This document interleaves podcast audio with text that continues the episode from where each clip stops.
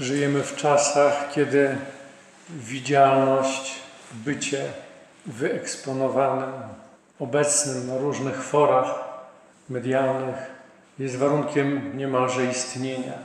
Także jak śledzimy wiadomości, też tragiczne wojny na Ukrainie, widzimy, że ta wojna również, a może nawet przede wszystkim rozgrywa się w tak zwanej sferze wizerunkowej.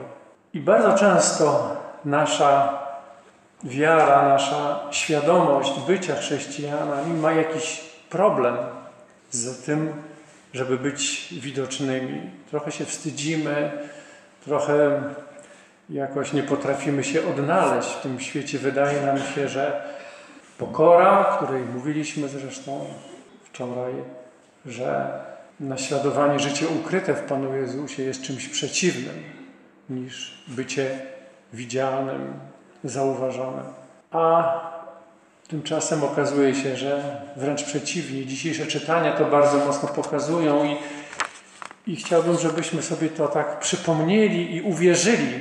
Uwierzyli z jednej strony w siebie, ale wierzyć w siebie dla chrześcijanina to znaczy wierzyć w Pana Jezusa i w Jego moc, w Jego cuda w naszym życiu. I popatrzmy, te trzy czytania dzisiaj właśnie o tym opowiadają. Pierwsze czytanie, jak gdyby chciało towarzyszyć nam, opisać to, co się działo w tych dniach rekolekcyjnych. Droga przez pustynię. Szliśmy, nadal jeszcze idziemy przez trudne pytania, bez odpowiedzi, przez sytuacje, które zmieniają to, co było do tej pory. I oto Pan Bóg mówi: Oto ja dokonuję rzeczy nowej. Pustynia staje się miejscem radości, objawienia, spotkania. Bardzo zachęcam do takiego prywatnego odkrywania na kartach Pisma Świętego w Starym Testamencie, jak bardzo ważne jest doświadczenie trudne, właśnie doświadczenie pustyni. Tam się objawia szczególna miłość do Boga. To jest właśnie może jakiś sposób częściowy przynajmniej wyjaśnienia trudności, które mamy. One nam pozwalają rzeczywiście otworzyć się na Pana Boga i stanąć w prawdzie wobec nas samych. Jak nie ma wyzwań, no to żyjemy w takim ciepełku, które niczego nie, od, nie oznacza, jest tylko wygodą. Również święty Paweł mówi o, o biegu, o pędzeniu i o byciu pochwyconym przez Pana Jezusa. Kiedy sytuacje są takie jak w naszych czasach, trudne, kiedy nie rozumiemy, także w naszej codzienności, albo ulegamy jakiemuś zwątpieniu, dajemy sobie spokój, wycofujemy się, albo zdobywamy się na szczególny wysiłek. W chrześcijaństwie właśnie ten szczególny wysiłek jest konieczny.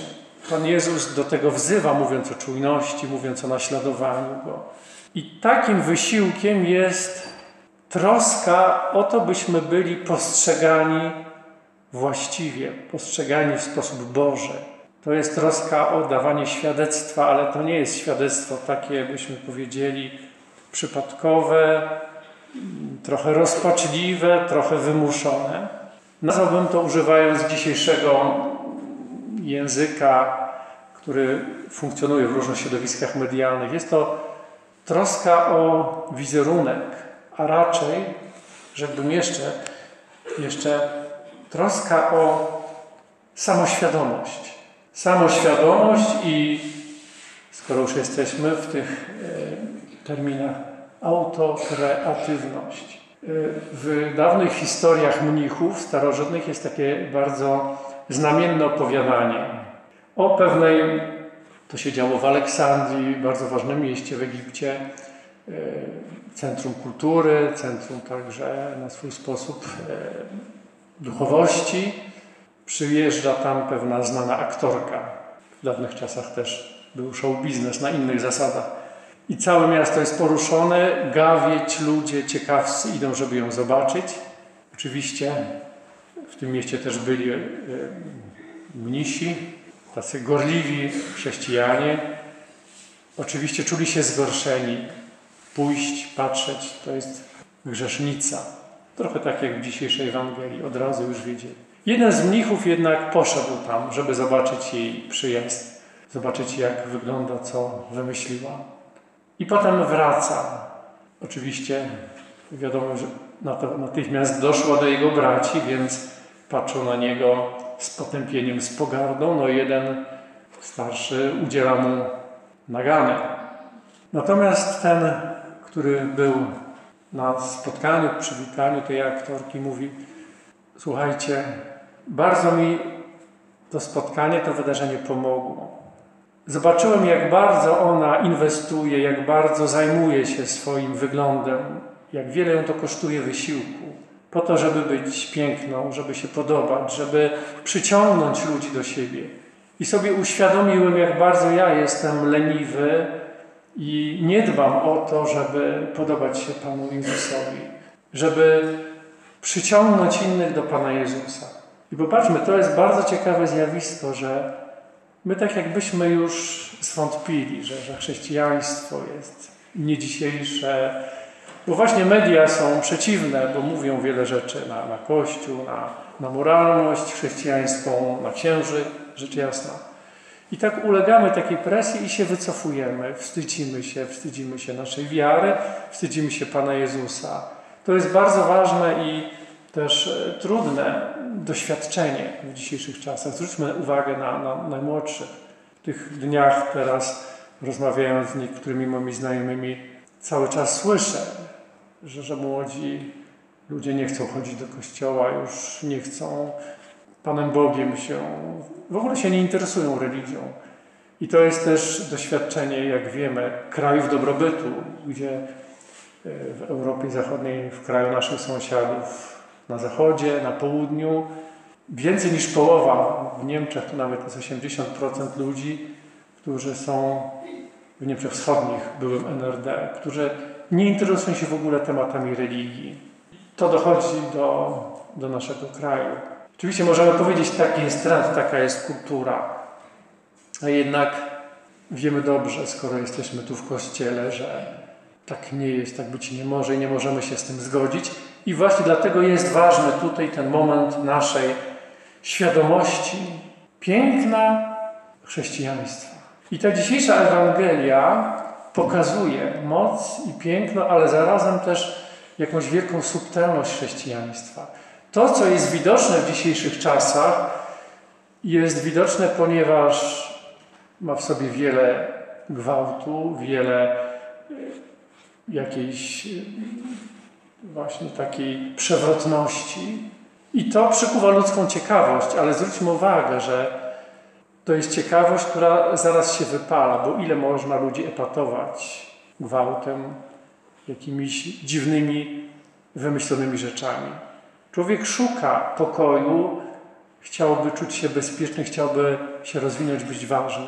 Jeżeli jesteśmy bombardowani tym, co takie mocne, przemocą, to oczywiście cały czas adrenalina skacze, ale ile można żyć na najwyższych obrotach. I popatrzmy, że w tej scenie dzisiejszej Ewangelii mamy też taką podwójną ekspozycję i podwójne doświadczenie ludzkiej godności i też ludzkiej kruchości. Z jednej strony jest ta kobieta.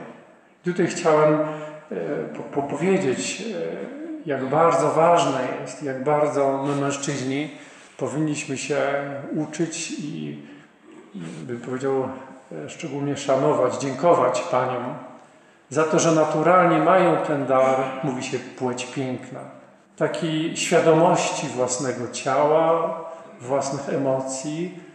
E, kobieta właśnie przez to daje wiele ciepła, jest e, matką, ponieważ całą sobą wyraża to, co ma w duszy.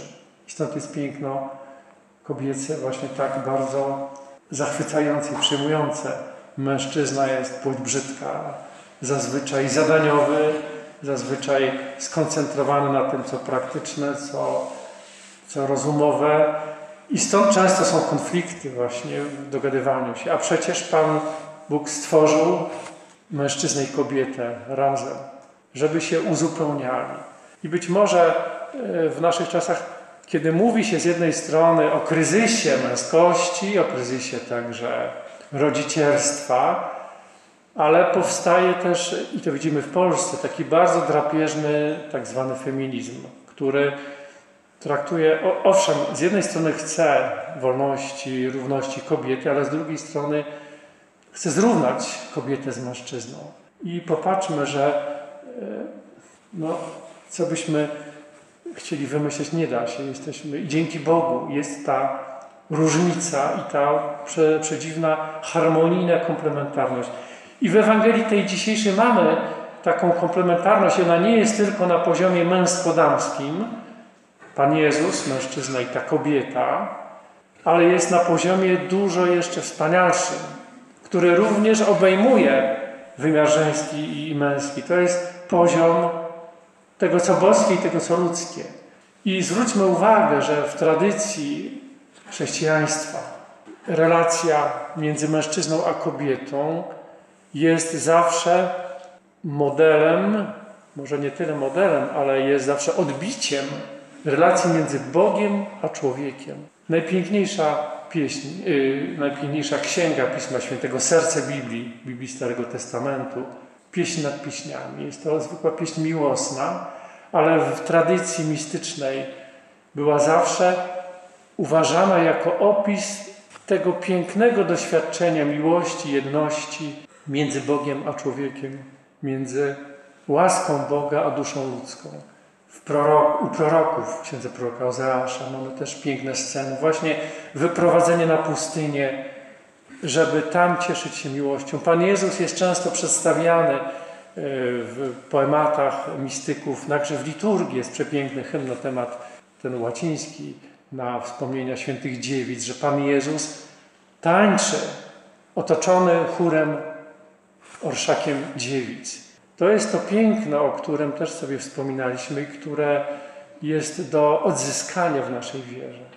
Piękno bycia kochanym, piękno kochania, które nie jest jedynie doświadczeniem fizycznym, doświadczeniem, które przemija, ale jest czymś bardzo głębokim.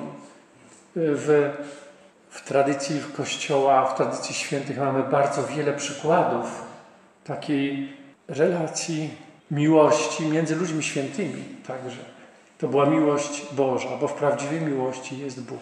I wróćmy do naszej e, Ewangelii. W miłości jest strasznie ważne to wyeksponowanie siebie, ta świadomość mojej osoby, mojego ciała, moich emocji, także mojej słabości. W miłości nie ma wstydu, nie ma strachu, bo jeżeli jest prawdziwa, to jest zbudowana na zaufaniu.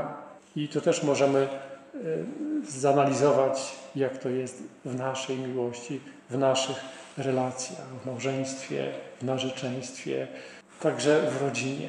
Na ile rzeczywiście jesteśmy sobą, a na ile cały czas trwamy w jakichś maskach. I popatrzmy, co się dzieje. Ta kobieta jest z jednej strony oskarżona, ale też wystawiona w taki okrutny sposób, który dzisiaj znamy z różnych opisów, z różnych bardzo dramatycznych sytuacji, o których media mówią. Ciało kobiety jako przedmiot pożądania, jako przedmiot również niestety handlu, jako przedmiot nadużyć. Pan Jezus w swojej misji, w swoim życiu, to też jest bardzo wzruszające i bardzo niezwykłe jak na tamte czasy, kiedy kobieta była zazwyczaj niesamodzielna, podporządkowana mężczyźnie z racji chociażby ekonomicznych, kulturowych. Pan Jezus nie boi się rozmawiać z kobietami, nawet nie należącymi do Jego narodu, ale również w sposób przejmujący je dowartościowuje. I tak się dzieje z tą kobietą. Ona jest jak gdyby już rzucona, skazana na stracenie. I staje się nawet paradoksalnie pretekstem, żeby Pana Jezusa oskarżyć. Nie liczy się ona, jak to mówią niektórzy komentatorzy, być może była też nałożnicą jakichś tych uczonych faryzeuszy i się pogniewali na nią, albo między sobą się zaczęli o nią jakoś tam kłócić. To wszystko popatrzmy, co niegodziwe w człowieku bardzo często zaczyna się od takiej nieuporządkowanej relacji, nieuporządkowanych namiętności. Wystarczy wspomnieć Heroda, córkę Herodiady i potem męczeństwo śmierci Jana Chrzciciela. Kobieta, która to jest właśnie bardzo wielka, byśmy powiedzieli, niesprawiedliwość czyniona kobietom, które stają się właśnie tak niesłusznie poniżane. Przez to, że są piękne, przez to, że budzą uczucie, że budzą także tę afektywność mężczyzny, ale przecież to nie, to nie wszystko. I z drugiej strony mamy ekspozycję Pana Jezusa. Też jest skazany, podobnie jak ta kobieta, w następnej kolejności na, na śmierć. I to jest też bardzo poruszające. Pan Jezus, który jest solidarny z nieszczęściem kobiet. I stają jak gdyby na środku tej całej dramatycznej sceny i popatrzmy, że Pan Jezus broni ją i odnosi zwycięstwo. Przynajmniej na ten moment. I to jest też bardzo, bardzo takie dla nas pocieszające i ważne.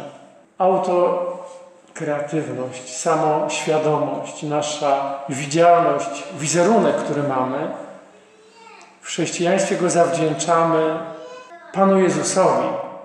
Jeżeli, jak mówi święty Paweł, przyobleczemy się w Pana Jezusa, wtedy mamy szansę nie tylko być sobą, ale również być sobą z pełnią godności, z pełnią właśnie, jak to się mówi, klasy. I będziemy wiedzieć, jak się obronić. Pan Jezus nas obroni. I popatrzmy też, jakże ważne jest tutaj y, dysponowanie, świadomość własnego ciała. Pan Jezus jest pochylony, kiedy, go, kiedy ją oskarżają. Kiedy słyszy te oskarżenia, pisze na ziemi. To też jest bardzo ważne, mówią niektórzy komentatorzy. Przypomina to postawę Boga wobec nas. Bóg, który się pochyla, stwarzając człowieka, pochyla się z troską nad człowiekiem grzeszącym, szuka go. Człowiek grzeszący chce się ukryć. To też jest bardzo ważne. Wstyd przed Bogiem. Bóg chce go z tego ukrycia wyprowadzić, żeby przywrócić mu godność. I podnosi się Pan Jezus, tak jak Bóg w swoim majestacie podnosi się by sądzić, by wydać wyrok. I potem znowu się uniża. Popatrzmy, jak ważne jest w naszym doświadczaniu naszego ciała, w kształtowaniu naszych relacji, ta świadomość godności. I mówiliśmy o, pokorze, mówiliśmy o potrzebie właśnie takiej roztropności, czujności, żeby wiedzieć, jak reagować. Tutaj właśnie jak ktoś jest sobą, jak ktoś jest sobą w Panu Jezusie, to będzie wiedział, kiedy zareagować, co powiedzieć i jak się obronić. Jest wiele w historiach starych mnichów starożytnych, jest wiele przejmujących scen, gdzie są bohaterkami kobiety. I nawet te kobiety, których życie jakoś może nie było od początku święte, okazuje się, że kiedy spotykają się ze zrozumieniem, z szacunkiem, z miłością, okazują się dużo lepsze od mężczyzn. Wśród mistyków mamy większość to są kobiety. Najpiękniejsze słowa o miłości Pana Jezusa napisały święte kobiety.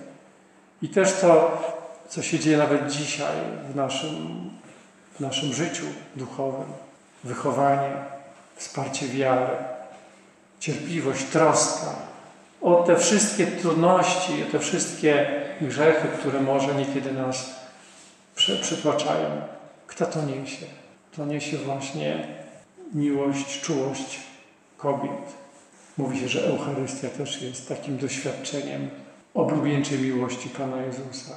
Kościół jako oblubienica spotyka się ze swoim oblubieńcem. Dlatego nie bójmy się naszych emocji, naszego ciała, Nieustannie odczytujmy je, odkrywajmy i cieszmy się nimi w tajemnicy, w pięknie Pana Jezusa.